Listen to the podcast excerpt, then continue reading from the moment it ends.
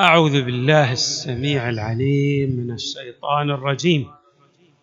بسم الله الرحمن الرحيم والحمد لله رب العالمين.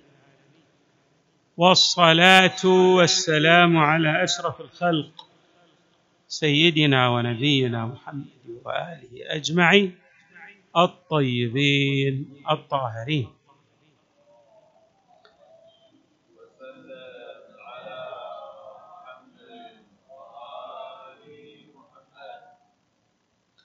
لا زال الكلام موصولا حول الأسباب التي إذا أخذ بها الشخص الذي ضاق رزقه وانغلقت الأبواب في وجهه وأخذ بهذه الأسباب يسر الله عليه الرزق وفتح له المغلقات. ذكرنا اسبابا متعددة. من هذه الأسباب الإكثار من قراءة القرآن بشكل عام وقراءة بعض السور والآيات بشكل خاص. روي عن إمامنا الرضا عليه السلام. عن جده المصطفى صلى الله عليه وآله الطاهرين. قال اجعلوا لبيوتكم نصيبا من القرآن فإن البيت إذا قرئ فيه أي القرآن تيسر على أهله. صارت الأمور سهلة وميسرة. وكثر خيره. وكان سكانه في زيادة. سكان ذلك البيت الله تبارك وتعالى يوسع عليهم وإذا لم يقرأ فيه القرآن ضيق على أهله وقل خيره. وكان سكانه في نقصان.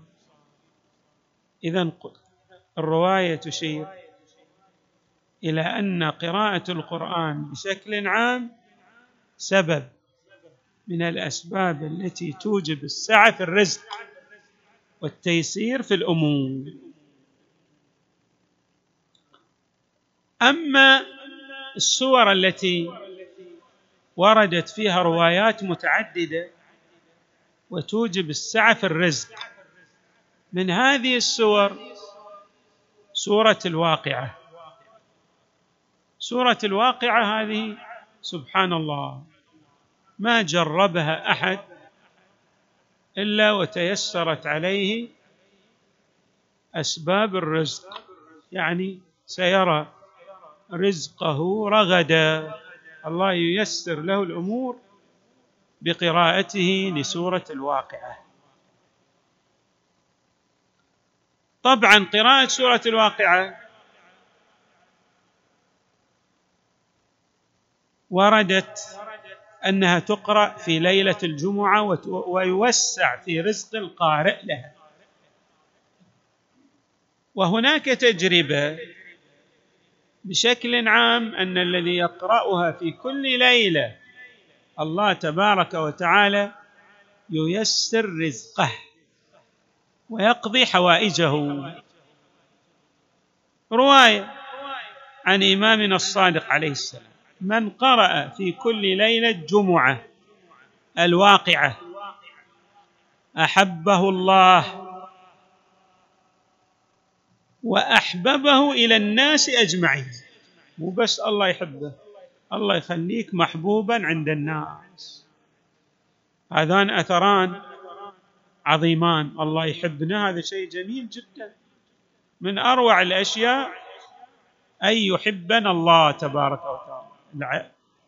المحب لا يعذب حبيبه. يعني نتخلص من آثار الذنوب التي تصدر منا لأنه لا يعذبنا عليها ببركات قراءتنا لهذه السورة المباركة. سورة الواقعة. بعد ولم ير في الدنيا بؤسا ابدا ولا فقرا ولا فاقة ولا آفة من آفات الدنيا. بعد وكان من رفقاء أمير المؤمنين عليه السلام. يعني تصير مع محمد وآل محمد. ما صلي.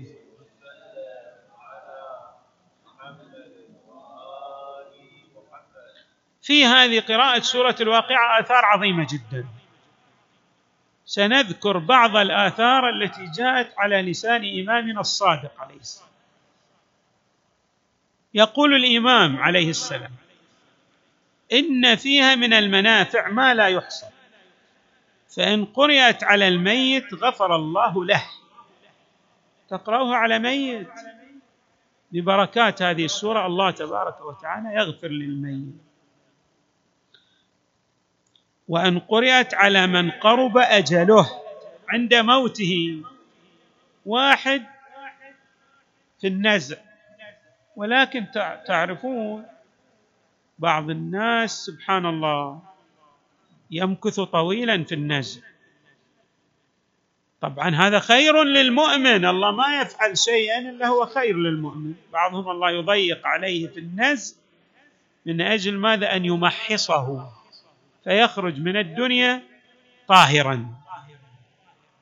نعم هناك حكم الهيه وإن قرأت على من قرب أجله عند موته سهل الله عليه خروج روحه. بمشيئة الله تعالى. هذه من بركات قراءة سورة الواقعة. وطبعا تعرفون قصة أبي ذر. أبو ذر له قصة في سعة الرزق عندما ضيق عليه في رزقه من قبل السلطة تحدث عن سورة الواقعة. بشكل جميل. روى عن رسول الله صلى الله عليه وآله. أبو ذر لما قيل له نعطيك المال قال لا أنتم منعتموني المال عندما كنت بحاجة إليه والآن أنا سأغادر هذه الدنيا. قالوا له حق يعني بناتك أو ولدك؟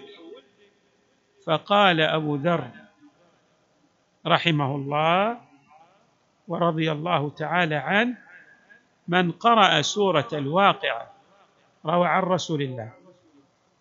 كل ليلة لم تصبه الفاقة أبدا ما يحتاج. الله ييسر له الرزق ويوسع له في العطاء. ببركات هذه السورة وتأثير هذه السورة المباركة. من السور اللي لها أيضا خصائص في سعة الرزق. سورة الذاريات. هذه أيضا إذا قرأها الإنسان في كل ليلة من خصائصها السعة في الرزق. لها آثار أيضا متعددة بس من الآثار السعة في الرزق. روي عن إمامنا الصادق عليه السلام. من قرأها في يوم أو ليلة حتى في كل يوم إن شرط الله في الليل. حتى سورة الواقعة ترى حتى لو من المجربات لو قرأت في الليل أو في النهار أو في أي وقت لها الخصيصة السعة الرزق. يعني هذا مجرب. في سورة الذاريات الإمام الصادق يقول من قرأها في يوم أو ليلة أصلح الله أصلح الله له معيشته. أصلح الله له معيشته وأتاه برزق واسع ونور له في قبره بسراج يزهر إلى يوم القيامة. بعد في أحسن من هالأثر. تعيش في شنو؟ في نورانية في قبر. هذا بعد أحسن من السعة في الرزق. لأن كل عالم البرزخ تصير في شنو؟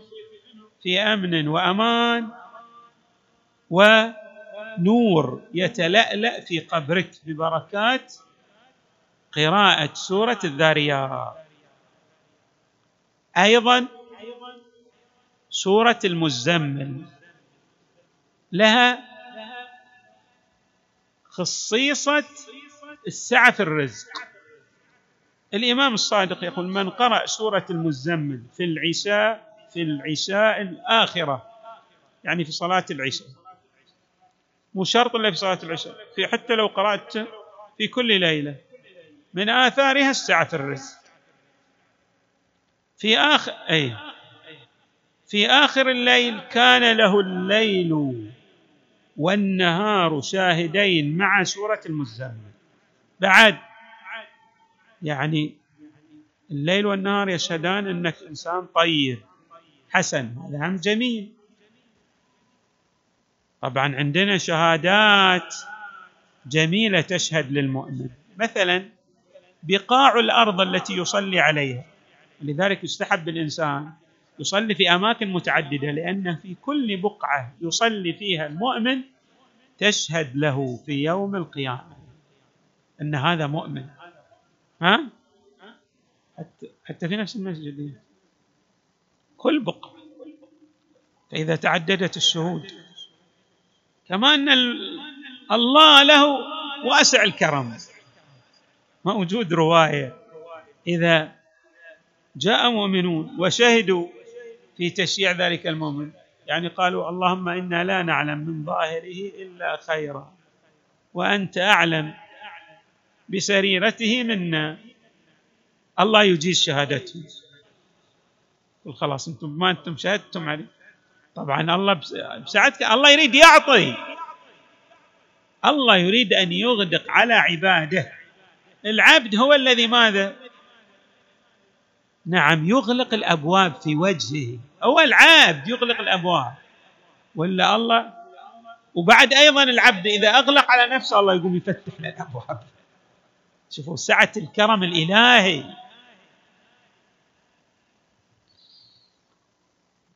الامام الصادق يقول أيضا هذا وأحياه الله حياة طيبة وأماته ميتة طيبة.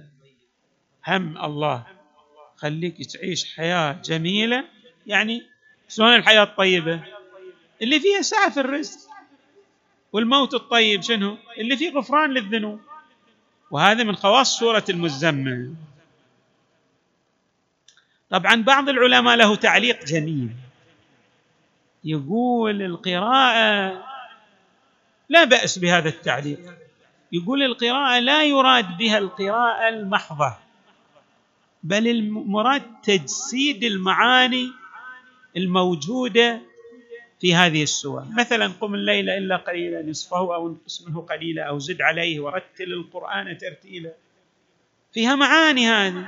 قم الليل يعني خلك ورد من الليل. خلك. صلي ولو ركعتين في كل ليلة. زيادة عن النوافل أو آتي بصلاة الليل. يعني سو لك. لك أذكار. قم الليل إلا قليلا. فيها بعد أيضا إشارة. إن ناشئة الليل هي أشد وطئا وأقوى مقيم. إيش معنى هذا معناها إن اللي يصنع الليل هذه صناعة الليل سبحان الله. صناعة محكمة. يعني هذا اللي دائما الإمام زين العابدين إلهي ما أحلى المسير إليك. المسير إلى الله تبارك وتعالى في هذا بالخصوص في الأسحار بين يدي الله والتهجد له تأثير. سواء أخذنا بنظرية العالم أو القراءة المحضة مؤثرة ولكن هذا بالتأكيد زيادة في حصول الإنسان على الرقي من الناحية المعنوية بالإضافة إلى الناحية المادية. وأماته ميتة طيبة. يعني يموت نعم. وفي رواية عن رسول الله صلى الله عليه وآله من قرأ سورة المزمل دفع عنه العسر في الدنيا والآخرة. ما يشوف عسر. والله هذه جميلة الرواية. الله ما يضيق عليه في رزقه لا في الدنيا وما يشوف مشاكل حتى في عالم الآخرة. حتى في عالم الآخرة ما يشوف. حري بنا أن نلتفت إلى هالآثار العظيمة الواردة. طبعا بعض الناس عندهم أعمال طيبة في الحياة الدنيا. وحتى أصلا ما يحس. ما يحس. ابدا ما يحس. يعني كيف ينتقل حتى حتى في بعض الروايات ما يدري كيف ينتقل في عالم يعني ما يحس لا بالنزع ولا إذا جاء ملك الموت ما يشعر الا هو في عالم الآخرة. ويشوف روحه في نعيم مقيم وعظيم. يعني حتى بالموت ما يشعر. من شدة اللطف الإلهي الذي يشتمل عليه. يصير عنده أعمال كثيرة خيرات كثيرة. مو بس خيرات كثيرة يعني آثار لبعض الأعمال تنعكس ايجابا عليه حتى في خروج روحه من جسده. نعم. اذا هناك شنو؟ سور. هذه السور مؤثرة وكثيرة. سنتناول إن شاء الله تعالى أيضا في حلقة جائية بعض الآيات. هذه إحنا ذكرنا الآن سور المزمل والذاريات والواقعة. في طبعا سور أخرى موجودة مثل الشمس سورة الشمس موجود. سورة مريم. موجودة. مثلا من أدمن قراءة سورة مريم لم يمت حتى يصيب ما يغنيه في نفسه وماله وولده. هذا يعني أنت ما تموت إلا غني إذا تواظب على هذه السورة. وتصير من رفقاء النبيين في عالم الآخرة من رفقاء عيسى عليه السلام. سورة الصفات. من قرأ سورة الصفات في كل جمعة لم يزل محفوظا من كل آفة مدفوعا عنه كل بلية في الحياة الدنيا مرزوقا في مرزوقا في الدنيا في أوسع ما يكون من الرزق. تصريح؟ هذا من آثار سورة الصافات بعد يقول ولم يصبه الله في ماله وولده ولا بدنه بسوء من شيطان ولا من جبار عنيد وإن مات في يومه أو في ليلته بعثه الله شهيدا وأماته شهيدا وأدخله الجنة مع الشهداء في أعلى درجات الجنة. شوفوا بعض الآثار. ولذلك نظرية ذلك العالم اللي قال الجانب التطبيقي في هذا السور مهم يعني لها نصيب كبير من الصواب لأن التجسيد لهذه المعاني القرآنية الموجودة في السور جد هام. سورة قاف الإمام الباقر عليه السلام يقول من أدمن قراءه سورة قاف في فرائضه ونوافله وسع الله عليه في رزقه وأعطاه الله كتابه بيمينه وحاسبه حسابا يسيرا. شلون واصحاب اليمين ما أصحاب اليمين. نلتفت إلى هذه الآثار. سورة القيامة أيضا لها آثار في سعة الرزق. عن النبي صلى الله عليه وآله قال من قرأ هذه السورة شهدت شهدت له أنا أشهد له. أنا وجبريل يوم القيامة. أنه كان موقنا بيوم القيامة. وخرج من قبره ووجهه مسفر عن وجوه الخلائق. يعني كأنه يضيء مثل الأنبياء شلون يضيئون نورهم يسعى بين أيديهم. هذا من الآثار لقراءة سورة القيامة. وإدمان قراءة سورة القيامة يجلب الرزق. إحنا الشاهد في هذا. الانسان اللي يدمن سورة القيامة يجلب الرزق. سورة الشمس. هذه سورة الشمس جربوها. إذا واحد تعسرت عليه حاجة خليه يكرر سورة الشمس. راح يشوف اثرا من تكرار سورة الشمس إنها تقضى تلك الحاجة المتعسرة له ما حد يدري هذه. سهلة جدا سورة الشمس. تكرارها ييسر الأمور. وهذه من المجربات. يكرر سورة الشمس. وعنده أمر متعسر الله يسهل عليه قضاء ذلك الأمر المتعسر. وقد ورد أيضا في الرواية عن الإمام صلى يستحب لمن يكون قليل الرزق والتوفيق. ما عنده توفيق. كل ما طرق باب ما حصل على توفيق. شنو؟ أي والتوفيق أو يخسر. ما يدخل في تجارة إلا ويصيب ويصيبه الخسران. ويتحسر على ما يصيبه. شو يسوي؟ أن يدمن في قراءته في قراءتها. يصيب فيها زيادة وتوفيقا. هم تصير عنده زيادة في الرزق وهم يوفق في أموره تنعكس الحالة له جربوها هذه. من المجربات. سبحان الله هذه سورة الشمس ما يدري عنها. يعني أنا شخصيا أعرف شخصا. يقول يعني كنت في بعض الأمور أنا ما ما مو غير ملتفت. هو ما يدري لا يعرف آثار سورة الشمس. لكن الله ألهمه تكرار سورة الشمس. إلهام من الله بعض الأحيان. الله يلهم الإنسان من حيث لا يدري. لمصلحة ترجع للإنسان ولحكمة إلهية. يقول فكنت بعض الحوائج متعسرة جدا غير متيسرة.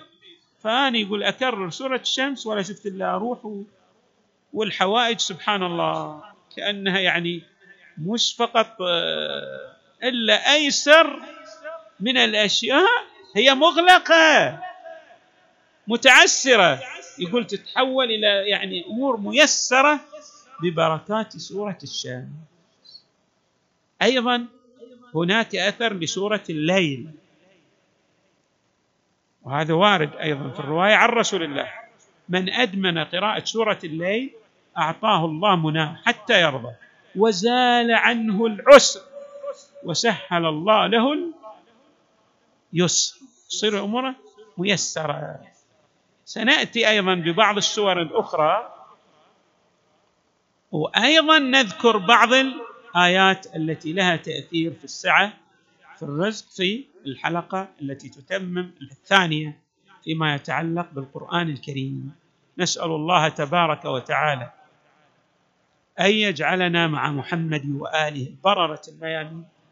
في الدنيا والآخرة وأن يختم لنا بالحسنى وأن يغفر لنا الذنوب ويستر علينا العيوب ويقينا السيئات ويوسع في أرزاقنا ببركات الصلاة على محمد وآل محمد.